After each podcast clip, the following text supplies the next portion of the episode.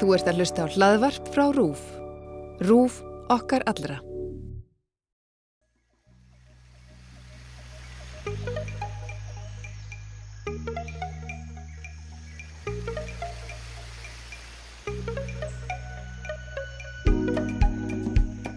Þetta er X21, kostningahlaðarp rúf, þegar þrýr dagar eru til kostninga.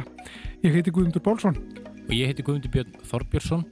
Við komum við að við í þættin í dag. Við ræðum meðal annars við þá félaga Ólaf Þóttn Harðarsson, professor í stjórnmálafræði og Boga Ágúrsson, frettamann, sem eru landsmönnum eh, að öllu kunnýr. Þeir eru já, standa vaktina á kostninganótt eins og þeir hafa gert já, síðan bara liggu við elstu menn muna saman og þeir tala við okkur hún fyrir Dani um kostningarnar sem er í vendum og já, nýjustu skoðanakannanir og, og, og hvaða viðræður getur farið fram að loknum kostningum milli flokkana, hvaða ríkistjóð getur tekið við og hvernig þetta lítur nú allt saman út fyrir sjálfstæðisflokkin meðal hans og svo ræðið þeir líka viðtalið sem við tókum hér á dögunum við Ólaf Ragnar Grímsson, fórsetta Íslands. Og svo er það eitthvað fleira aðgumdur Já, fyrirvændi fórseta Íslands. Þó, hann, þó hann segir sjálfur í þessu viðtali eitt sinn fórseti á allt fórseti Einmitt, einmitt. Í ákveðinu samíkir reyndar og svona með brós og ör, skulum halda því til að haga. En að því að það er snjóa þér svolítið í dag og um, gengið á með jæljum mm er Ólafur Þórn Harðarsson ennþá í stuðbúrsun Hann er það, hann er það. Hann Hann er ekki það. farin úr þeim og, og fer líklegast ekki úr, eða hvað sagði hann? Jú, hann sagði haustjafdagur við mig. Það er í dag, þau er í dag, sko. Hann sagði um minn daginn, sko, ég veit ekki hvort hann er búin að breyta því, en nei. kannski, ætla hann að vera í þeim fram á kostningum. Það er líkur kannski til, já, fram að kostningum hann getur náttúrulega verið í þeim í, á kostningavökunni, Einmitt. Hver Já, veit? Það var alltaf sérst ekkert, heldur. nei ekki að það sést ekkit unnið að mitt ykkur sem Nei. er en ekki það, það er ekkit að því að sjá hans hans fáruleggi í Já, já, og sjónvarpi. þetta er flottar er. við höfum séð það áður og, og ekkert að því en uh, við töluðum við hann Birgi Þór Harðarsson uh, fréttamann sem er nú svona daldi maðurinn á bakvið kostningaprófið kostningaprófrúf hann hefur svona verið með þetta kostningapróf í fanginu og hann hefur verið svona svolítið að greina það sem að kemur ljós uh, þegar uh, fólk er að taka þetta próf. Við hittum hann áðan hérna inn í uh, aðstöðu X21 sem hefur umsjón með kostninga umfjöllun rúf við hittum hann þar á hann og spjöllum aðeins við hann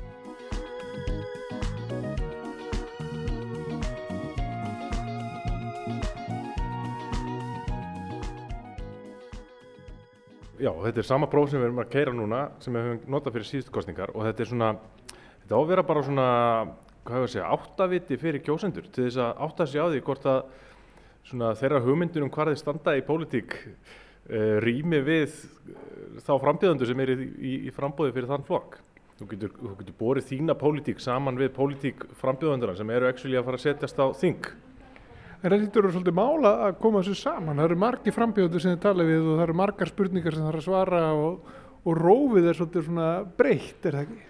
Heldur betur og þetta er svona langt ferli sko. Við byrjum að setjast niður og hugsa hvaða málaflokka við þurfum að taka til í þessu, hvað þurfum við að spurja um og hvað er svona, hvað eru, hvað eru helstu ágreiningsefnin og svo semjum við fullinningarnar, pössum upp á að þær séu svona taki á þessum helstu hérna, ágreiningsefnum og að það séu nógu svona, hvað að segja, skautandi, polariserandi til þess að uh, flokkarnir raðist ekki bara í einn napp hér eða einn napp hér. Svo er, er þetta próf sendt á alla frambjóðendur, eða tíu efstu, við óskuðum eftir e-mailum frá tíu efstu frambjóðendum á öllum listum í öllum jördæmum. Heimtunar voru bara, þú veist, í byrjun ágættar en það var kannski, ekki allir sem að svöruði strax. En svo hefur við verið að mjallast inn í þetta eftir við líka settum það í loftið og gerðum það aðgengilegt fyrir kjósendur.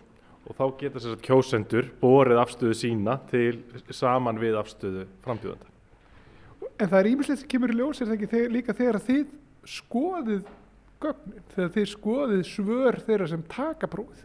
Akkurat, það er kannski smá nýsköpun í þessu að, að taka gögnin úr þessu, svör frambjóðendana og reyna að greina það og reyna að átta sig á því hvar flokkarnir standa. Þeir segja eitthvað, en svo eru frambjóðendur, það eru fullt af frambjóðendum í, í frambóði fyrir þennan flokk og þau segja, svörin þeir eru allavega. Þannig að einhvers stað að raða þess þetta, svona að meðaltali, að jafna því uh, og þá er mjög áhugavert að taka sér öll svörin og, og stilla flokkunum upp á sömu ása fyrir hver einustu spurningu. Þannig að þá getum við séð að sjálfstæðarflokkurinn er bara nokkuð sammála því að Ísland eigi að vera í NATO, svona svolítið eins og við heldum, en hann er samt ekki alveg 100% sammála, af því að það er einhverju fulltrúar sem eru sett upp punktinn ekki alveg á alveg sammála, heldur svona aðeins til liðar. Þannig að hann er ekki alveg 100% sammála, sem er kannski smá áhugavert, en kemur kannski ekki óvart heldur. Og svo eru aðri hlutir þarna eins og að sósialistarnir, þeir, þeir verðast alltaf vera lengst frá sjálfstæðarflokknum sem að rýmar við þessu hugmyndum vinstri hægri í íslenski pólitík. Þess vegna var svo gaman líka að rekna svo út frá, út frá þessum gögnum, svörum frambjöðandina, meðaltalið á milli, sko bílið á milli allra frambúða. Og þá getum við farið átt okkur á því hversu mikla samleið flokkarnir hafa, svona málefnarlega, þegar á að kannski setjast niður og semja um ykkur ríkistjórn.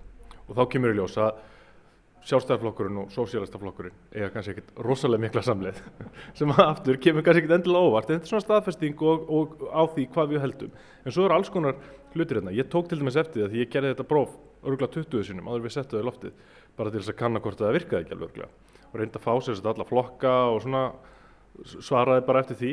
Og það tók eftir það hérna, eru hérna fjóri flokkar sem að eða eru með í skoðanakörunum svona á bílinu 10 til 15% og þessir flokkar eru alltaf í prófunum svona, maður var alltaf að mattsa það á svona 60 til svona kannski 61, 63, 64% í kostningaprófunu og þá fyrir ég að hugsa, er þetta próf ekki nógu næmt á pólitík þessara flokka? Eða eru þeir bara svona sammála? Það er kannski bara einhverju núansar á milli samfélkingarinnar og viðreysnar eða samfélkingar á pírata eða pírata á viðreistar þetta var, fannst mér svolítið áhugvært að skoða. Og þegar við fórum í að greina í raun og svörin og, og hérna e, rekna bílið á milli þá kemur þá svolítið glögglega í ljós að það er ekkert óbúslega mikið bíl á milli svara frambjöðanda þessara flokka. Það er bara, það bara tölver lítið ef maður myndi stilla þessu þannig upp. Og við fórum og greindum svörin við öllum fulleringunum og svo tókum við heilbyrðismálur og umhverfismálin og svona þetta klassíska umfjöldunarefni í íslenski politík sem eru skattar og gjöld. Og það var, það var okk píratar, samfélking, viðreist vinstri græn að einhverju leiti uh, og framsóknarflokkurinn raða sér svolítið þétt saman. Eru kannski þessi pakki á miðinu sem að maður hefði nú kannski haldið fyrirfram að þeir væri En hversu svona hversu djúft getur svona próf verið? Gætu þið verið með bara mjög svona ídarlegt svona próf veist, til, og fengi þá bara miklu skýrari mynd er tílemni til þess? Ég held að við þurfum þá að vera mjög svona nákvæm og við þurfum að spörja mjög nákvæmra spurninga. Það sem að þetta próf er að þetta eru bara 32 spurningar og eina af þeim er í hvaða kjördæmið þú ert. Mm. Þannig að þetta eru kannski 31 fullirðing sem að um, um pólitísk málefni og við erum viljandi að hafa þetta svolítið vítt. Við erum ekki að taka þetta mjög þröngt, heldur erum við að hafa þetta svolítið vítt til þess að fá kannski svona meira pólarinsandi hérna, afstöði frá flokkonum. Þetta próf segir bara það sem það getur sko.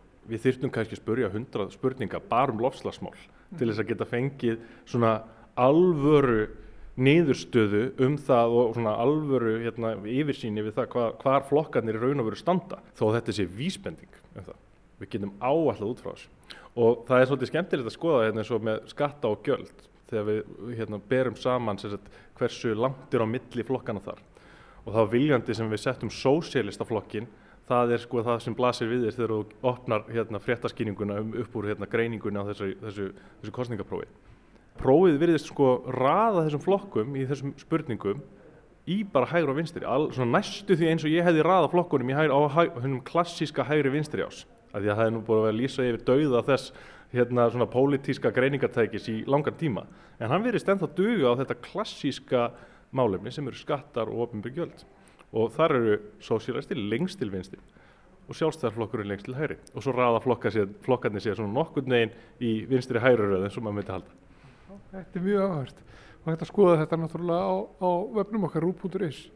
Það hafa frambjöður tekið þetta próf hefur maður séð aftur og ekki verið 100% sammála sjálfum sér þú ert búin að taka þetta próf 20 sinni færð þú alltaf sama sama frambjöðan Nei, að því ég er alltaf að reyna að setja mig í búningin. Ég er að reyna að sjálfstæðismæður hérna og svo er ég að vera sósialisti og svo er ég að reyna að vera vinstri græti, sko. En svo þegar maður er að taka þetta í alvörinu, þá hef ég verið að fá svona, já, nokkund með einn það sama, en það er alltaf einhver smá munur. Og það kannski bara munar því að maður er að setja hérna punktinn, þú veist, tveimur hérna, sentimetrum til hægri eða minna heldur en síðast eða eitthvað sko. Það er eitthvað svo leiðis. Þetta er mjög skemmtilegt. Birgir Þór Harðarsson, uh, hvað kalluðu þig? Ef ekki bara kalla mig fréttamann, kannski einhvern vef gúrú.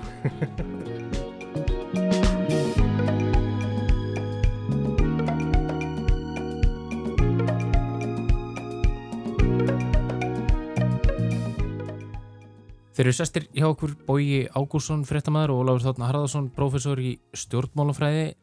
Drengir, eh, þið standið vaktina í kostningarsjónarfinu og lögutaskvöldið eins og þið hafi gert í síðustu kostningum, hafið tölu á því hvað þið eru búin að gera þetta lengi saman? Já, ég hef hérna tölu á því hvað ég, ég er búin að vera lengi. Ég var fyrst í 1983 í útvarpinum en 1986 var ég fyrst í sjómansby, í kostninga sjómansby og hef verið í öllum, eða nánast öllum alþingiskostningum, fórsetakostningum og sveitastöldakostningum síðan og ég tók þetta saman í gær og þetta er 20. og 4. kostninga sjómansby mitt á 35 árum. Ég hef ekki alveg, Bói hefur náttúrulega verið í enn fleiri sennilega en, en, en hérna því hann byrjaði aðeins fyrr. Jú. En við höfum verið, ef, ef ég man þetta rétt og þú leiðir um mig þá Bói, ég, ég, að, að, við værum svona svolítið tvíeiki, að ég held að það hefði byrjað í fórstakostningunum 2012 Mm. en síðan eru búin að vera svo margar kostningar. Þannig að á þessum, eh, þessum hvað nýju árum, þá er þetta nýjunda skiptið sem við erum saman í þessu í alvöru kostningum, en merkilegustu kostningarnar eru náttúrulega kostningarnar í ráðherranum. Það er ekki spurning. Þannig að ef við teljum ráðherran með, þá er þetta í tíunda skiptið á nýju árum Já, sem við erum saman. já. Í ráþeiranum sko þá, uh, ég fengur náttúrulega ekki frjálsar hendur vegna þess að mm. handrið sömundar voru að sjálfsögðu búin að uh, Ringi símin hjólaði hérna? Handrið sömundar voru að sjálfsögðu búin að leggja upp úrslitin og við verðum að tala út frá því en við fengum bísna frjálsar hendur og þetta var ekki nema brota, brota nota Já, já. í þáttunum sjálfum en svo var þetta sett inn sko sem, sem, sem sérstakt ítem þa- þessar hvað 20 mínútur eða, eða hálftími sem við uh, vorum að, að, að fabulera við uh, professor Dr. Ólafur Einmitt. og hann náttúrulega af miklu viti þó að þetta væri bara hérna, grín og skemmtilegheit og tók sko alvöru dæmi úr alvöru pólitík uh, sem pössuðu við þessar uh, skál, uppskálduðu niðurstöðu kostninga í ráþæranum Einmitt, einmitt. og það var, það, var, það, var, það var mjög skemmtilegt vegna þess að það átti afskaplega vel við Eh, það var dæmi af Torbjörn Jagland sem að, sem að eh, ég sko vildi ekki rjúfa kostningalofvorð sem að var mjög í anda þess sem að, sem að, að hérna, Benedikt eh, gaf í, í, hérna, í ráþærunum Einmitt. Já, Jagland hafði sagt að verkamannaflokkurinn í færi ekki í stjórn, þá var hann formaður verkamannaflokkurinn og fórstæðra, nema verkamannaflokkurinn fengið 35%. Svo fekk verkamannaflokkurinn 34 kom eitthvað. Já, Jagland gat myndastjórn en, en hérna eh, sem sé, hann bara sagði af sér til að standa við kostingalofrið sem hann hefði auðvitað átt að svíkja eins og Benedikt átti að svíkja sitt, sitt kostingalof og þetta er nú reyndar skemmtilegt núna því að ég sé í kostingabaratunni að nú sagði Brynjar Nýjálsson á dögunum að sjálfstæðiflokkurinn gæti ekki farið í stjórn nefn hann fengi 25% einmitt. Og, uh, og Bjarki Olsen var að segja að VFG ætti ekki derind í stjórn ef, að, ef, að, ef hún fengi jafn lítið og kannanir er að gefa til kynna núna en Katrín og Bjarni eru nú ekki búin að segja Nei, nei, þetta. nei, nei. Nei, langt í frá það hafi verið leiðtóarflokksins sem að uh, voru með þessar yfirlýsingar. En Já, talandum, það væri fráleitt að láta sér dett í huga að, eiginlega nokkur stjórnmálufóringu í Íslandi uh, segði svona. Men þeir hafa á hinbóin sagt að uh, þeir útiloki samstarfum við þessum og hinum. Þannig að já. stjórnar myndun núna getur orðið aldrei erfið sko. Sumri vil ekki vinna með sumum, aðri vil ekki tala við suma. Uh, og aðri vilji ekki uh, sko eiginlega helst verið í sama herbeggi og aðrir og þetta er Já, erum- getur við aldrei flókið Við erum að nálgast uh, skandinavika kerfi þar sem er alveg skýrar blokkir rauð og blá Já. en, og hverfa í rauninni frá finska uh, mótilinu þar sem allir vilja vera allir geta verið með öll Já. eins og hefur verið hjá okkur. Já. Ég ætlaði mitt að, að kannski spyrja ykkur að, að því næst eða kannski þig sérstaklega bóið því að Ólafur hann kom inn í fyrsta þáttin til okkar og, og sagði þá að, að þessi kostningabarata og þessar kostningar eru líklega þær mest spennandi ára raðir. Eh, nú er tölvöru tími liðin síðan. Eh, erst þú sammálað þessu? Já, þó eh, er eitt sem að virðist hafa skýrst aðeins frá því að um, Óli var í Vitali okkur og það er að líkutan á því að núverandi stjórnarflokkar haldi meiri hluta þar hefa mink. Uh, þannig að spennan um það er ekki eins mikil en hins vegar verðum við að muna eftir því að kannanir eru eitt og úslitur eru annað og það var nú við að, að það var nú einn uh, félagi Ólaf sem er doktorsnemi í, uh, í mannsvistir núna, stjórnmálafræðingur Hafsteinn heitir hann. Hafsteinn sem að, uh, var að byrta nýðurstöður á rannsóknum sínum á mun á könnunum og úrslitum í kostningunum 2016 og 2017 og ef ég mann þetta rétt að þá fekk til dæmi sjálfstæðarflokkurinn meira út úr kostningunum, hvað, eitthvað, eitthvað 2% Tvö, tvö í öðrum og þrjú í þrjú í hinum, Já, sko. heldur en að kannanir höfðu spáð. Nú eru ímsar skýringar á þessu sem að, að stjórnmálafræðingar og þeir sem að, að eh, framkvæma skoðanakannanir vita óskup vel og það er að skoðanakönnun, hún er náttúrulega, þú ert með ákveði þýði og uh, þú færð rétta mynd af stöðinni miða við það. En sko stundum er það þannig að uh, þeir sem að, taka afstöðu fara síðan ekkert á kjörstað. Og uh, sumir hafa bent á til dæmis að uh, kjósendur sjálfstæðarflokksins að meðaltalið eru eldri og líkleri að fara á kjörstað heldur en yngri kjósendur sem að uh, finnst kannski sumum að þeir séu bara búin að kjósa með því að, gefa upp afstöðu sína í skoðanakönnun. En svo er ekki og það er það eitt af því sem að ég hef alltaf þegar ég hef verið að tala um yngra fólk og, og fólk sem er kannski um það byrja að ná kostningarétti eða nýbúið að fá kostningarétt að það skiptir svo miklu máli að fólk nýtir sér kostningaréttin við skulum bara minnast þess að við erum forréttinda þjóð við fáum að kjósa það er meiri hluti mannkins býr ekki við þessi forréttindi og þess vegna skiptir öllu að við nýtum okkur þennan, þennan rétt okkar vegna þess að líðræðið það er ekkert sjálfsagt.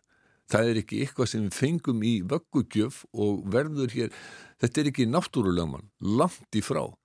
Uh, og, og hérna þannig að eh, Håkan Jöholt fyrirverandi eh, sendi herra Svíja á Íslandi og fyrirverandi leitói jafnaðarmanna í Svíþjó hann sagði sko að ég man eftir ég tók viðtalvegan hann sagði að þetta væri svo mikilvægt að fólk yrði að nýta sér atkvæðisrættin við gætum ekki tekið einhvern sens með líðræðið það yrði bara, það væri heilagur hlutur fyrir okkur og við yrðum að venda og við getum gert það hvert og eitt með því að fara og kjósa líkur hér frambóðsröðu minni Og ég, kannski, ég vildi kannski aðeins segja um skoðanakannanildar að ef við skoðum hvernig þær hafa gengið síðustu í, í, í, um, um, í margar kostningar að þá hafa þeir almennt talað niðurstöðu þeirra síðustu kannanir fyrir kostningar verið í góðu samræmi við, e, við, við hérna niðurstöðu kostningarna. En það eru náttúrulega skekkjumörku konunum og það að, að það geti munað allavegna tveimur, þremur prósentum á fylgi flokks í könnun fyrir kostningar og í kostningurum sjálfum. Það er bara eðlilegt. Og núna er munurinn á stjórn og stjórnarnanstöðu þó að stjórnin hafi í síðustu könnunum verið fallin í, í þeim flestum að þá er munurinn ekkert mjög mikil.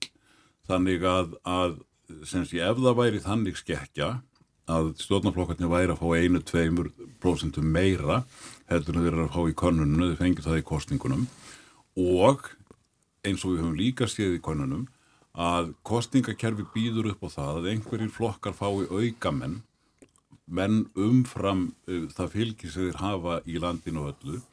Og þessi menn hafa í þessum konunum aukameritir hafa lengt hjá akkurat stjórnarflokkunum Þannig að ef að það væri bæði smá skekkja í skoðanakonunum og líka e, að, að, að, að einhverji stjórnarflokkana fengju einn eða tvo aukamenn, þá gæti það döga til þess að stjórnin heldi. Þannig að þetta er nú ennþá tvísýnt um, um stjórnina þó að það sé ekki einst tvísýnt og það virtist vera þegar við töluðum saman hérna fyrst. En uh, sko það sem að ég átti nú kannski við með mest spennandi kostningar var það sem við höfum verið að sjá raungerast í þessum kostningum að við stöndum frammi fyrir algjörlega nýjum veruleika með íslenska flokkakjörfi og það sem er mest spennandi er að núna eftir kostningarnar þá virðist, er örugt að það er ekki hægt að mynda tveggja flokkastjórn, sennilega ekki tryggja flokkastjórn, þannig að við verðum að mynda fjögra eða fimm flokkastjórn. Og það hvernig stjórnmálamennir ætla að laga sig að þessum nýja veruleika með hvaða hætti þeir ætla að takast á við það að mynda fjögra eða fimm flokkastjórn. Fyrir mér er það í rauninni miklu meira spennandi heldur en einstök, einstök uh, kostninga úrstitt. En hvaða emitt ríkistjórnamyndanir eru þá líklegastar eftir þessar kostningar með að við skoðanakarunir? Það er nú sko allar líkur á því að ef að stjórnin heldur meiri hluta að stjórnarflokkarnir haldi áfram Ég held að... En það, er ekki þannig með nýjasta þjóðabúls? Nei, það er ekki þannig með nýjasta þjóðabúls en við skulum hafa, hafa í huga það sem að hérna, Óli var að segja hérna með, með skekkjumörkin og, og það að, að sko, það er kosið á lögadaginn, við erum að tala saman á miðugundegi og það getur ímislegt breyst, það getur alltaf eitthvað breyst í, í, hérna, í, í pólitíkinni en það eru er minni líkur en meiri á því að það gerist ef að, ef að síðan verðum við að taka það með í reikningin að eh, sumir flokkar hafa sagt að þeir ætli ekki að vinna með öðrum og það er aðalega sjálfstæðarflokkun sem hefur verið útilokað. Sósialistar hafa útilokað sjálfstæðarflokkin, samfylkingin hefur útilokað sjálfstæðarflokkin og, pírat, og, og píratar hafa útilokað sjálfstæðarflokkin og þetta þrengir dálítið uh, þá möguleika sem að eru uh, til stjórnarmyndunar Þannig að líklegasta minstrið yrði þá að eh, menn reyndu að raða saman fjögur eða fimm flokkastjórn sem að sennilega þyrsti til til þess að útiloka sjálfstæðarflokkin. Eh, það verður ekki, það verður ekki mynduð, já eins og þess, þessar niðurstöður eru núna, þá verður ekki mynduð sterk stjórn því vegna þess að ég efast um að menn vilji fara með fjóra flokka á 32 þingmenn inn í stjórn, það er veik stjórn með fjórum flokkum, uh, fordæmi sem við höfum ekki á Íslandi og uh, ég segjum svo að því að samkvæmt konunum og er engin ástæð til annars en að taka mark á því að þá vil vilja full 40% Íslendinga Katrín Jakobsdóttir haldi áfram sem fórsættis á þeirra nemað einhverjir, nemað vinstri græn verði fyrir miklu, verulega miklu fylgistabi í kostningunum eða einhver af mögulegum stjórnaflokkum vinni stóran sigur þá finnist mann ekkit óeðlilegt að hínir flokkarnir lítu til þessara staðrindar þannig að Katrín yrði e, sá svona náttúrulegi aðli til þess að, að vera fórsættis á þeirra í, í, í e, nýri stjórn og ég efast um að hún með sína politísku reynslu e, færi í það að e, leggja úr vör með fjögur að flokka stjórn og 32 uh, þingmenn, það, það mhm. stóri í östíðum, þannig að fimm flokka stjórn er því líklegust. En sjáu þið fyrir ykkur, eða hvaða flokkar það getur verið þá sem gætu myndað að koma sér saman um fimm flokka ríkistjórn sem þá fyrir utan sjálfstæðarflokkin? Já, já, en, en ég vildi fyrst segja að uh, ég að ef að stjórnir heldur velli þá gerur hún það líklega með 32 þingum mestalagi 33 hvort að Katrín telur, ég er ekki vissum að Katrín í þeirri stöðu myndi vilja halda áfram núverandi stjórnarsamtafin. Það hefur verið mikil óanægja með það í innan VFG og þar að auki væri þetta mjög, mjög tæpur meiri hluti og ef að það gerist eins og, og kannanirna benda til núna að það verði svona einhver vinstri sveifla almennt í kostningunum að þá væri það kannski svolítið erfitt fyrir Katrínu að segja ég ætla ekki að taka neitt marka á þessar vinstri sveiflu í kostningunum, ég ætla bara að halda áfram að vera með sjálfstæðifloknum og, og framsökufloknum. Nú ef að, þannig að ég er ekki vissum að þessi stjórnmundi halda áfram þó að hún fengi 32 þingmenn. E, Og hún hins- vannsið hvern hún getur kallað til liðs Það er frekar vandsið, það er menn velta fyrir sér kannski viðreist, en ég er alls ekki vissum að viðreist vilji fara inn í slíka stjórn. Ég, þeir, hafa ekki, þeir hafa engan útilokað viðreistnamennir, en það kemur frekar óvart ef að þeir veru tilbúin til þess að gera svona eins og stundum er óvirðulega orðað varadekk fyrir uh, fallna ríkistjórn. Ég, nú hvað gerist þá ef að ríkistjórnin fellur? Uh, það getur náttúrulega orðið langvarandi stjórnarkrepa. En ég er ekkit vissum að svo verði, það er rauninni ábyrð stjórnmálamannana að laga sig að nýjum verði veruleika og ná saman. Og ég held að það sé langt líklegast að það verði mynduð fjögra eða fimm flokkastjórn á miðju og til hægri. Og það sem að ég hef verið að gæla, hugsa um síðustu dagana er að, að, að það, hvort það gæti verið möguleiki að það er í, í fyrsta skipti síðan að Stefania satt hér í landinu frá 1947 til 49 að það erði auka flokkur í ríkistjórninni. Þá var alþýðuflokkurinn með fórsættisræðurinn og hann var auka flokkur. Framsókn og sjálfstæðisflokkurinn saman höfðu meirhluta þeir voru með alþýðuflokkum í stjórninni. En þetta er eina dæmið úr úrstensku stjórnmálasögum þetta. Í Finnlandi er þetta hins vegar nánast reglan að það séu fleiri flokkar heldur en þarf í ríkistjórninni. Uh, ef að það væri hægt að mynda við, við vinstri stjórn með 32 þingmenn. Þá er það alveg eins og Bógi segir mjög naumur meiri hluti og, og ég tek undir það að Katrínum undir sennilega finnast það svolítið, svolítið djart. Alveg eins og henni finnist djart að fara með 32 manna meiri hluta í núverandi stjórn. Eh, þannig að það væri kannski freistandi fyrir fjóra flokkar sem eru með 32 þingmenn að segja, heyrðu ok, við kippum bara inn fymta flokknum, það munar hvort sem er ekki svo miklu upp á stöðuleikan og samstarfið hvort ert með fjóra eða fimm. En með því að taka fymta flokkininn ert ekki lengur með 32 þingmenn heldur kannski 40 þingmenn. Og það þýðir að þá geta einstakir þingmenn í hvaða flokki sem er hlaupið út undan sér en stjórnin sem sé heldur, heldur sínum meiri hluta. Þannig auðvitað er það ólíklegt að menn hoppir svona langt frá, frá minstrinu, hefðbundum minstri í íslenski pólitík en, en einhvern veginn held ég að, að þegar að hérna, fóringjarnir fara að kæla sér niður eftir kostningaæsingin að þá munið þeir líka kannski hugsa um, um, um þetta. Og ég sá reyndar í, í frásögn Mokkans í morgun um, um hérna um, frá leiðtoga viðræðum sem þeir eru með í, á vefnum sínum. Að þá voru þeir að endur taka hvað Katrín hefði sagt og svona gamal kremlológ eins og ég uh, fór náttúrulega strax að smíða einhverja kenningar og því sem Katrín sagði þar að segja að lesa eitthvað í það sem hún sagði sem sé í raunni se, segja eitthvað um ummælennar sem hún það segja um það sem hún sagði ekki. Já, En það sem hún sagði var að hún lagði mikla áherslu á að það yrði sennilega mynda, með við kannanirnar, að mynda fjögra eða fimm flokka stjórn. Og þá riði á að allir flokkar væru ábyrgir, þeir væru tilbúnir til þess að slá af sinni stefnu, væru tilbúnir til þess að gera málamiðlanir og hver talar svona? Náttúrulega sá sem ætlar að leiða stjórnarmyndunar viðræður fjögur eða fimm flokka eftir kostingar. Þannig að mér síndist hún vera komin í, í þær buksur, ef svo má segja. En hvaða flokkar eru það sem væri þó líklegastir ef, ef við lítum á þetta fimm flokka uh, samstarf uh, sem væri líklegastir til þess að ná saman fyrst og reyna svo að ná þessum fimmta flokki inn? Sko Hvaða flokku væri það?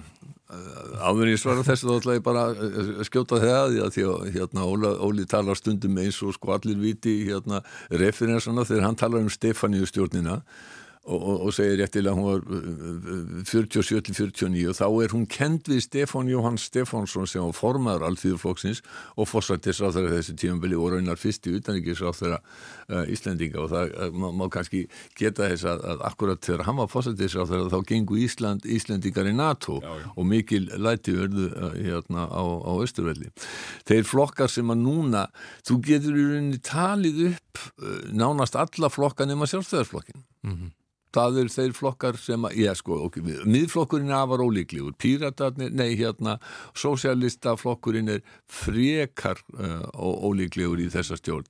Þannig að teltu bara upp hinn á flokkana. En, en, en hljóta... Að flokkur fólksins er kannski líka frekar ólíklegur. Já. En, sko, en hljóta píratar fyrir ekki, ekki að vera ólíklega líka varandi áherslu þeirra á, á stjórnarkrona til dæmis? Já sko, þetta, þá vísum við þess sem að Katrín var að segja Nákvæmlega. að, að hérna, fólk yrði að slá á kröfum sínum og menn get ekki farið inn í stjórn og sagt sko, við förum ekki í stjórn nema að uh, og, og, og það sé einhverja sko ófrávíkjanlega kröfur Sko viðreysn held ég ætla ekki að fara inn í stjórn með þá ófrávíkjanlegu gröfu að það verði tekin upp evra eða tenging við evru á, á, á næsta kjörnstímanbili eða að uh, kvotakerfi verði skorið rótakt upp.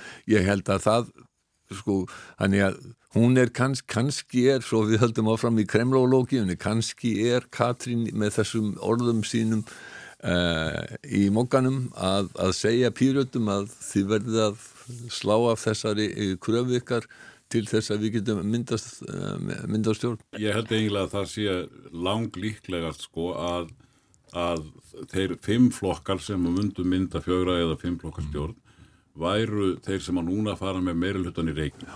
Ég myndi ekkert útiloka sósilistaflokkin eða flokkfólksins en einhvern veginn að það væri kannski heldur ólíklegra. En er líklegt að, að einhverju formennsju þegar farnir að tala saman um stjórnarmyndun? Nei, nei, það, það svoleiðis gerast ekki kaupin og erinu, þau auðvitað hittast og þau hittast í svona viðtalsþáttum og þau eru komið í viðtal og svona. Og hérna það eru hugsanlega einhver sko, þú veist hérna eitthvað daður? Já, já, eða allavega sko þú veist en, en, en það, það er ekkert á neitt sem að geti verið í líkingu við eitthvað formlegt. Það, það, það allavega myndi vera þvert á all, all, allt það sem ég, ég þekki af íslensku stjórnmálum. Það sem ég þekki líka er að, að svona þegar úrstildin eru farin að skýrast á kostingalóttin að þá fara þeir stundum að ringja hverju annan. Já. Mm. En talandu um þetta, talandu um sko, stjórnarmyndanir og kannski stjórnarmyndanir umbóð uh, Óla Ragnar Grímsson fyrir andur fórst í Ísland hann var hérna í Ítalið okkur í, í þar síðasta þætti. Og, og þar já, sagði hann einfallega að, að þetta stjórnarmyndinu umbóð eftir kostningar væri nú bara einhver, einhver mýta. Já, já, ég, ég heyrði þetta sko, hann Ólafur tala náttúrulega alltaf þannig að, að hérna, eins og hann praktísiraði meðan hann var fórsetti að undistrika það að fórsettin hefði miklu meira vald í reyndinni heldur en hefbundi hefur verið að tólka það mm. og í sjálfu sér er þetta formlega alveg rétt hjá Ólafi stjórnarmyndunur umbóðið er bara mýta í teimskilningi að það er hverki sagt fyrir um það í stjórnarskráni hins vegar var ég nú nefandi Ólafs Ragnars e, á, á, á 8. áratögnum og þá undistrykað Ólafur Ragnar við okkur réttilega að það væri nú ekki bara bókstafur stjórnarskrárunar sem skipti máli það skipti nú ekki minna máli hvaða vennjur hefðu myndast í stjórnmálakerfinu. Og dæmi sem var alltaf tekið og hann tók gjartan var það að í Breitlandi vitað, sem hafði búið mikla festu í stjórnarfari þar er engin skrifuð stjórnarskrá. En þar dettur engum í hug að bregða frá vennjunni þingræðið í Breitlandi er til dæmis bara vennja það er hverki stjórnarskrá. Mm. þannig að, að, að sko þó að þetta sé rétt hjá Ólafi þá held ég að í reyndinni sé það þannig að fórsetin hefur ekki frít spil um stjórnamyndun ef að einhverjir flokkar sem hafa meirlut á bakvið sig segja við fórsetan við viljum, mynd, við viljum reyna að mynda stjórn. Og ef að þeir líka benda á hvaða fóringja þeir vilji að leiði stjórnarmyndunar viðraðunar þá verður fórsetin að gera það eða öllu heldur hann gæti gert eitthvað annað en þá væri hann að, að ganga algjörlega í berhögg við vennjur og slík afskipti væru að flestra mati fullkomlega óeðlileg og ég held að Ólaf Ragnar hefði aldrei gengið gegn e, sem sé meiri hluta í þessari stöðu. Hitt er annar mál Hann var tilbúin að ganga gegn hefðum og vennjum á öðrum sviðum. Já, það var hann tilbúin yðurlega sko, breytti ímsu en varðandi stjórnamyndanina þá, mm. þá í rauninni sko valdi hann fórsettisáður að sjálfur 2013 eh, en það lítur eiginlega að hafa verið þannig að Bjarni og Sigmundur Davíð koma þá til hans og segja við ætlum að mynda stjórn en þeir hafa ekki, hafa ekki báðir sagt við viljum að Sigmundur myndi stjórnina eða báðir sagt við viljum að Bjarni myndi stjórnina þeir hafa væntanlega skilið það eftir opið og þá gatt Ólafur ráð þessu. En það var vegna þess að stjórnmál og fóringatir höfðu ekki komið sér niður og niðurstöðu fyrirfram. Sko ef við höldum áfram í skoðanakönnunum uh, ef það sama kemur upp á kjörkursunum þá er mikil endur nýjum og þingi. Þetta eru 26 nýjir þingmenn mm. og nýju flokkar hefur Já. það gerst aður? Nei, nýju flokkar hafa ekki verið á þingi áður það hefur 2000 uh, og hvena var það 16 óli sem var uh, gríðarlega mikil endur nýjum líka Já, það hefur verið almennt á undanförnum árum hefur verið mikil endur nýjum, já Endur nýjum, sko hérna eftir hrun hefur verið gríðarlega. Hún hefur verið, var í fyrsta kostningunum eftir hrun ef ég mann rétt einhverstaðið millir 40-50% og í kostningunum 2016 held ég hún hafi farið yfir 50%, svo datt hún er í 30% 2017 en samt var hún 30% þó það væri bara árliðið frá kostningunum 2016 og ég er nú ekki búin að rekna hvað 26 er hátt prósent en það er örglega millir 40 og 50 prósent. Og þannig að við erum þá að fara í enn einar kostningar þar sem að, þar sem að hérna, enduníun er mjög mikil. Og í núverandi þingliði eru, eru sára fáir sem að sátu á þingi fyrir hrun. Ef við horfum lenga tilbaka í kannski 20, 30, 40 ár þá höfum við ímið stæmum það að, að þingmenn sátu á þingi sko 20, 30, 40 ár. Núna er Stengri mjög Sigfússon að hætta og hann hafði verið á þingi frá 1983 en, en, en flestir hafa, þingmænitin hafa tildulega litla þingreynslu. Sumir segja auðvitað, það er nú gott að fá hérna ferst blóð, aðrir segja, heyrðu, er ekki gott að hafa svolítið reynslu í þinginu mm. og bæði þessi sjónamið er auðvitað umhugsunarverð. Annars sem ég hafi tekið eftir í miða við sko kannanirnar að þá sýnist mér alla líkur á því að hlutur hvenna muni batna. Uh, hann var komin upp í held í 47% uh, í 2016, svo datt hann aðeins niður, niður fyrir 40% í kortingurum 2017 og ég var alveg samfærið um það þá að það væri bara eiginlega svona tilviljun, mm -hmm. lekar heldur en að við værum að fá einhverja nýja tilneyingu og núna sýnir, hef, ég hef meira séð að séð kannanir þar sem að, þar sem að hérna, konurnar voru 32 þær voru sem sé konar í voru meirluti þingum, aðra sínaði aðeins undir en ég myndi halda að kynjaskiptingin ætti að verða verða nokkund vegin 50-50. Sko 2017 þá voru 24 konur kjörnar á þing en uh, árin á undan þá voru 30 konur kjörnar á þing mm. og það, það hefur aldrei verið jafnara kynjalhutal og þá, það ár eru nýjir þingmenn sínist með að vera 34 já, sko. og, það hefur, og það er meiri hluti þingmanna sem, sem er nýr þar já, 2016, 2016. Já, en uh, 2017 þá er þeir ekki nærið eins margi sko. Nei, þá eru þeir 30% eins og ég var að segja af því að, en, en, af því að þá voru í rauninni flokkatir, þetta bara brátt að og, og flokkatir voru mjög margir með sömu listana eins og þeir höfðu verið með 2016 sko.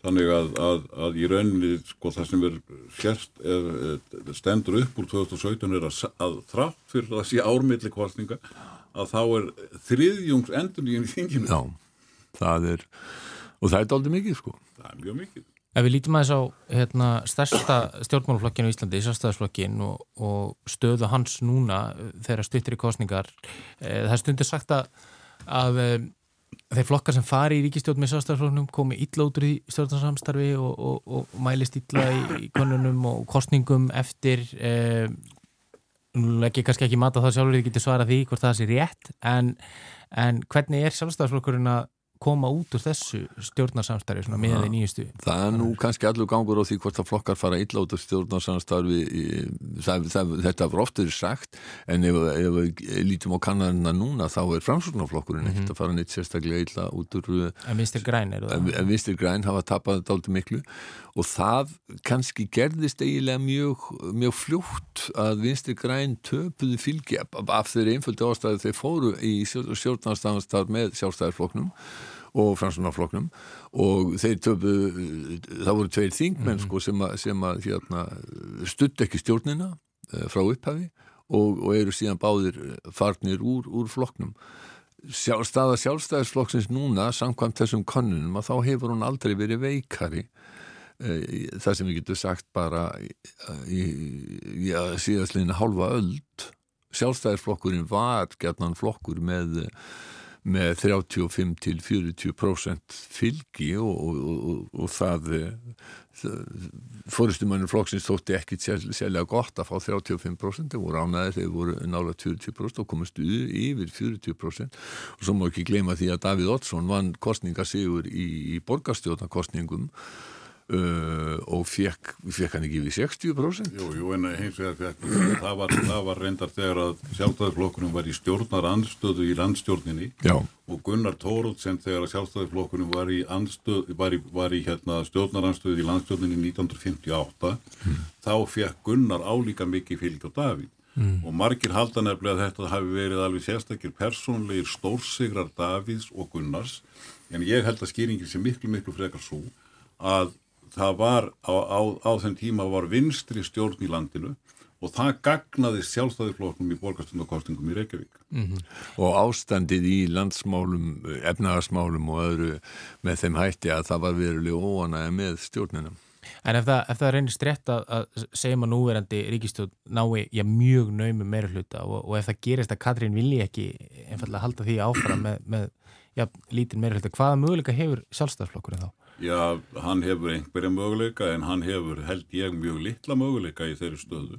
Og það er náttúrulega líka enn, sko, ef þetta gerist svona, þá er það enn einn grundvallar breyting á íslenska kerfinuð í þessu tilfelli samsteipu kerfinu vegna þess að í áratögi gat sjálfstæðisflokkurinn í rauninni valið um það hvaða flokk hann vildi hafa með sér í tveggjaflokka samstipustjórn.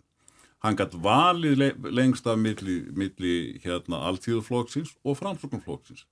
2007 þegar stjórn Geirs Horte, já sem sé með framsóknumflokknum, mm -hmm. fekk 32 þingmenn, framsókn tapaði þá í það, að þá vildi Geir ekki halda áfram þeirri stjórn með svo nauman meirulhutta.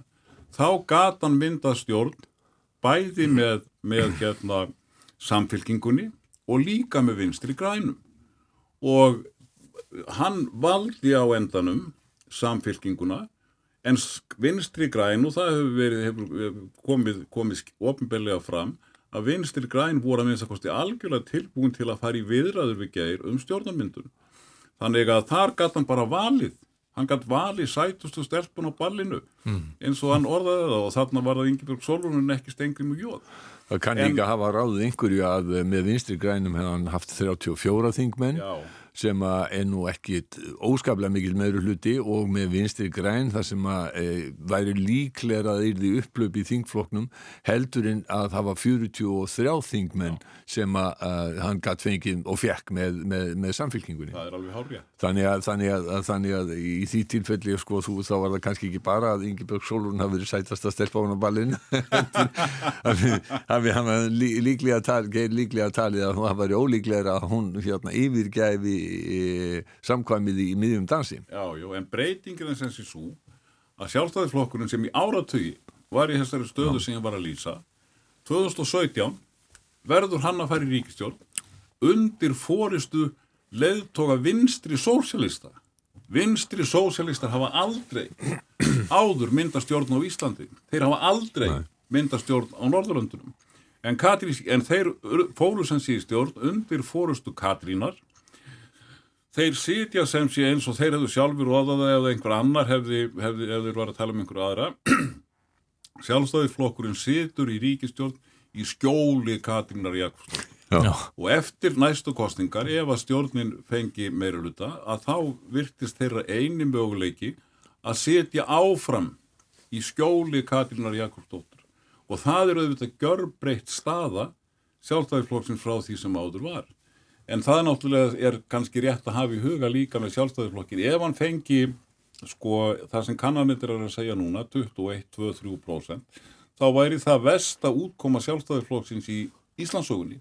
Það, það myndi náttúrulega þýða að Bjarni Bindisson stæði frammi fyrir stöðu sem að engin annar formaður flokksins hefur, hefur gert nei, nei. Og, og, og, og væri í raunar eins og, eins og hérna, professorinn segir, í mjög þrungri stöðu að því að sjálfstæðisflokkurinn hann hefur verið kjölfestan í íslenskum stjórnmálum allan líðveldistíman og, og já, það má, má segja það allan líðveldistíman og frá því að við tókum upp e, það kjördamakerfi sem við erum með núna og, og, og þá skiptingu og allþingi sko á fjórða áratögnum að þá fáum við hérna, mjög skrítna nýðustöður út af, af innmjögskjördæmum og misvægi atkvæða þar sem að framsvonarflokkurinn fær eitthvað um, um þriðjung uh, atkvæða en, en, en meiri hluta þingmana en sko eftir að, eftir að við getum bara sagt að í líðveldisögunni þá hefur sjálfstæðisflokkurinn alltaf verið í ökumannsætinu og raunverulega aðra stjórnir án sjálfstæðisflokksins hafa verið frávik frá hennu frá norminu í rauninni. Og það hefur sko og ég man nú eftir því að því ég man nú svo þetta þessi tíma þá hefur man yfirleitt sko fundist það að menn væri bara að býða þess að stjórn af sig þá, þá kæmi normal ástand aftur og sjálfstæðarflokkurinn væri, væri í ríkistjórn og með fósættisaðanliti vegna þess að þannig hefur það, þannig hefur það allatíð verið. Svo koma náttúrulega upp svona klopningu, kemur klopningur upp innan sjálfstæðarflokksins sem að veldur honum vandraðum og þar er bæði Gunnar Tórótsen og svo Albert Guðmundsson uh, setna sem að þannig að það er það hluti sem að hafa vikt sjálfstæðisflokkin og, og, hérna, og, og gert öðrum mögulegt að koma að staðin en, en hið eðlilega ástand ef við getum orðað að þannig uh, á líðveldistímanum hefur verið að sjálfstæðisflokkurinn hafi farið með fórsættisöðanitin Já, við hefum líka muna það að síðustu 30 ár frá 1991 þá var sjálfstæðisflokkurinn búin að vera í stjórn í 26 ár. Hann hefur bara verið í stjórnaranstöðu í fjögur ár. Og það sko stundum menn og í mörgum löndum fá menn og stundum svona, eins og kemur í ljó eða sem sé byrti þykir því hvað að stjórnarflokkar sameiginlega tapa yfirleitt að kjósendur verða svolítið leiðir á, á þaulsetnum stjórnarflokkar. Já, það var svona kælingu. í rauninni, þannig að það kemur nú ekki mjög óvart að einhverjir sko í miðjuflokk kjósendur, meiri hluti kjósenda, einhverjir í miðjuflokkunum eða einhverjir í vinstirflokkunum finnist nú komið tími til þess að, að, að sjálfstæðiflokkurinn fái smá frí. En hinn nýji veruleiki er að vita sá eins og Bói var að segja að í staðin fyrir að vera 40% flokkur þá er sjálfstæðiflokkurinn í þessu nýja landslægi 25% flokkur. Mm. og það, ég held að það sé fráleitt. Sem er hafa verið að kenna bjarnað um það. Ég held að það sé alveg fráleitt. Já. þetta er bara, fóringar stjórn ekki svona þetta er sama þróun og við höfum séð með sósildemokrataflokkana í Skandinavíu. Mm -hmm. Þeir voru 40% flokkar, eru núna orðin 25% flokkar. Og þá má ekki gleyma því að, sko, að, að sjálfstæðisflokkurinn á Íslandi hefur gengt að, að mjög miklu leiti söm, sama hlutverki í íslenskum stjórnmálum og krataflokkarnir hafa gert mm. í, í norrannu stjórnmálum þar segja að þeir hafa verið þungamidjan, mm.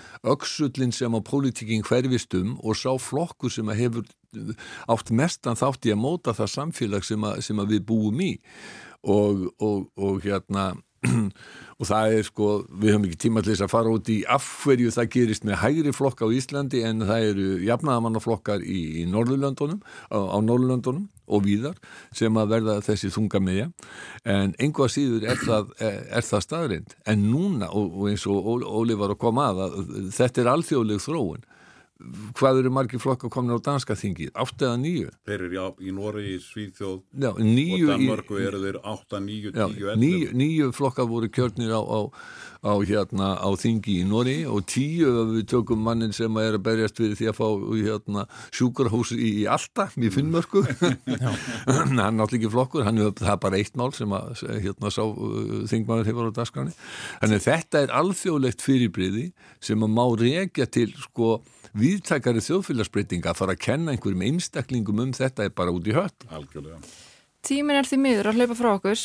Um, Hvað segir þú? Þetta verður spennandi í kostninganótt. Þið verður á ykkar stað á, í kostningavöku Rúf. Þið vil ekki fá limruna? Það okkur var sendt limra. Jú, endilega. Nú, hvað er með hana? Þetta er Rappkjell Óskarsson, gammal skólabróði minn og, og, og félagi Óla úr Hafnarfjörði. Er fáingur mikill eins og, eins og Óli læknir og hann sendi okkur þessa limru. Er þetta bylgi eða bóla? Það er barist um fylgi og stóla. Allt getur breyst, engum skal trist nema auðvita boga og óla. Þetta er vel orð, vel orð. það, það þykir mig líka. Er þetta ekki bara frábær loka orð? Jú, kannski bara e, alveg í lokin, strákar. E, fáið einhvern fyrring svona fyrir útsendingu á kostninganótt eða er þið búin að gera þetta svo lengi að því svo við alveg rúleir? alltaf fyrringur Það er alltaf fyrring. Ég sagði það í kennstunni að ef maður fær ekki fyrring, smá fyrring fyrir fyrirlestur, þá á maður að hætta þessu. Já, einmitt við stígum á svið og eins og leikarar sem við höfum einu sinni verið að þá, þá, hérna, þá er bara tilökkun og, og, og vonandi verður þetta jafn skemmtilegt og það hefur oftast verið. Það verður ekki jafn skemmtilegt og ráþæran en það verður skemmtilegt. Einmitt það. Kæra þakki fyrir komin að X21 Bói Ágússon og Ólafur Þótt Haraldsson. Það verður þessi þáttur af X21 kostningahlaðarpi Rúf ekki lengri í dag. Ég heiti Guðmundur Pálsson. og ég heiti Guðmundur Björn Þorbjörnsson við verðum hér aftur á morgun þegar að tveir dagar verður til kostninga þá ætlum við eh, að halda áfram að fjalla um stærstu kostningamálin við fjöllum um þrjú þeirra í gær og, og höldum að áfram því á morgun og svo ætlum við eitthvað að skiknast á baku tjöldin ekki Jú, það eru æfingar hér miklar fyrir kostningavökunna. Við ætlum að kíkja hérna aðeins og, og sjá hvernig það gengur. Kíkja hérna í stúdíu A. En þennan þátt og alla heina er þetta nálgast á öllum helstu hlaðvarpsveitum og í spilarann á rúf.is. Takk fyrir að hlusta.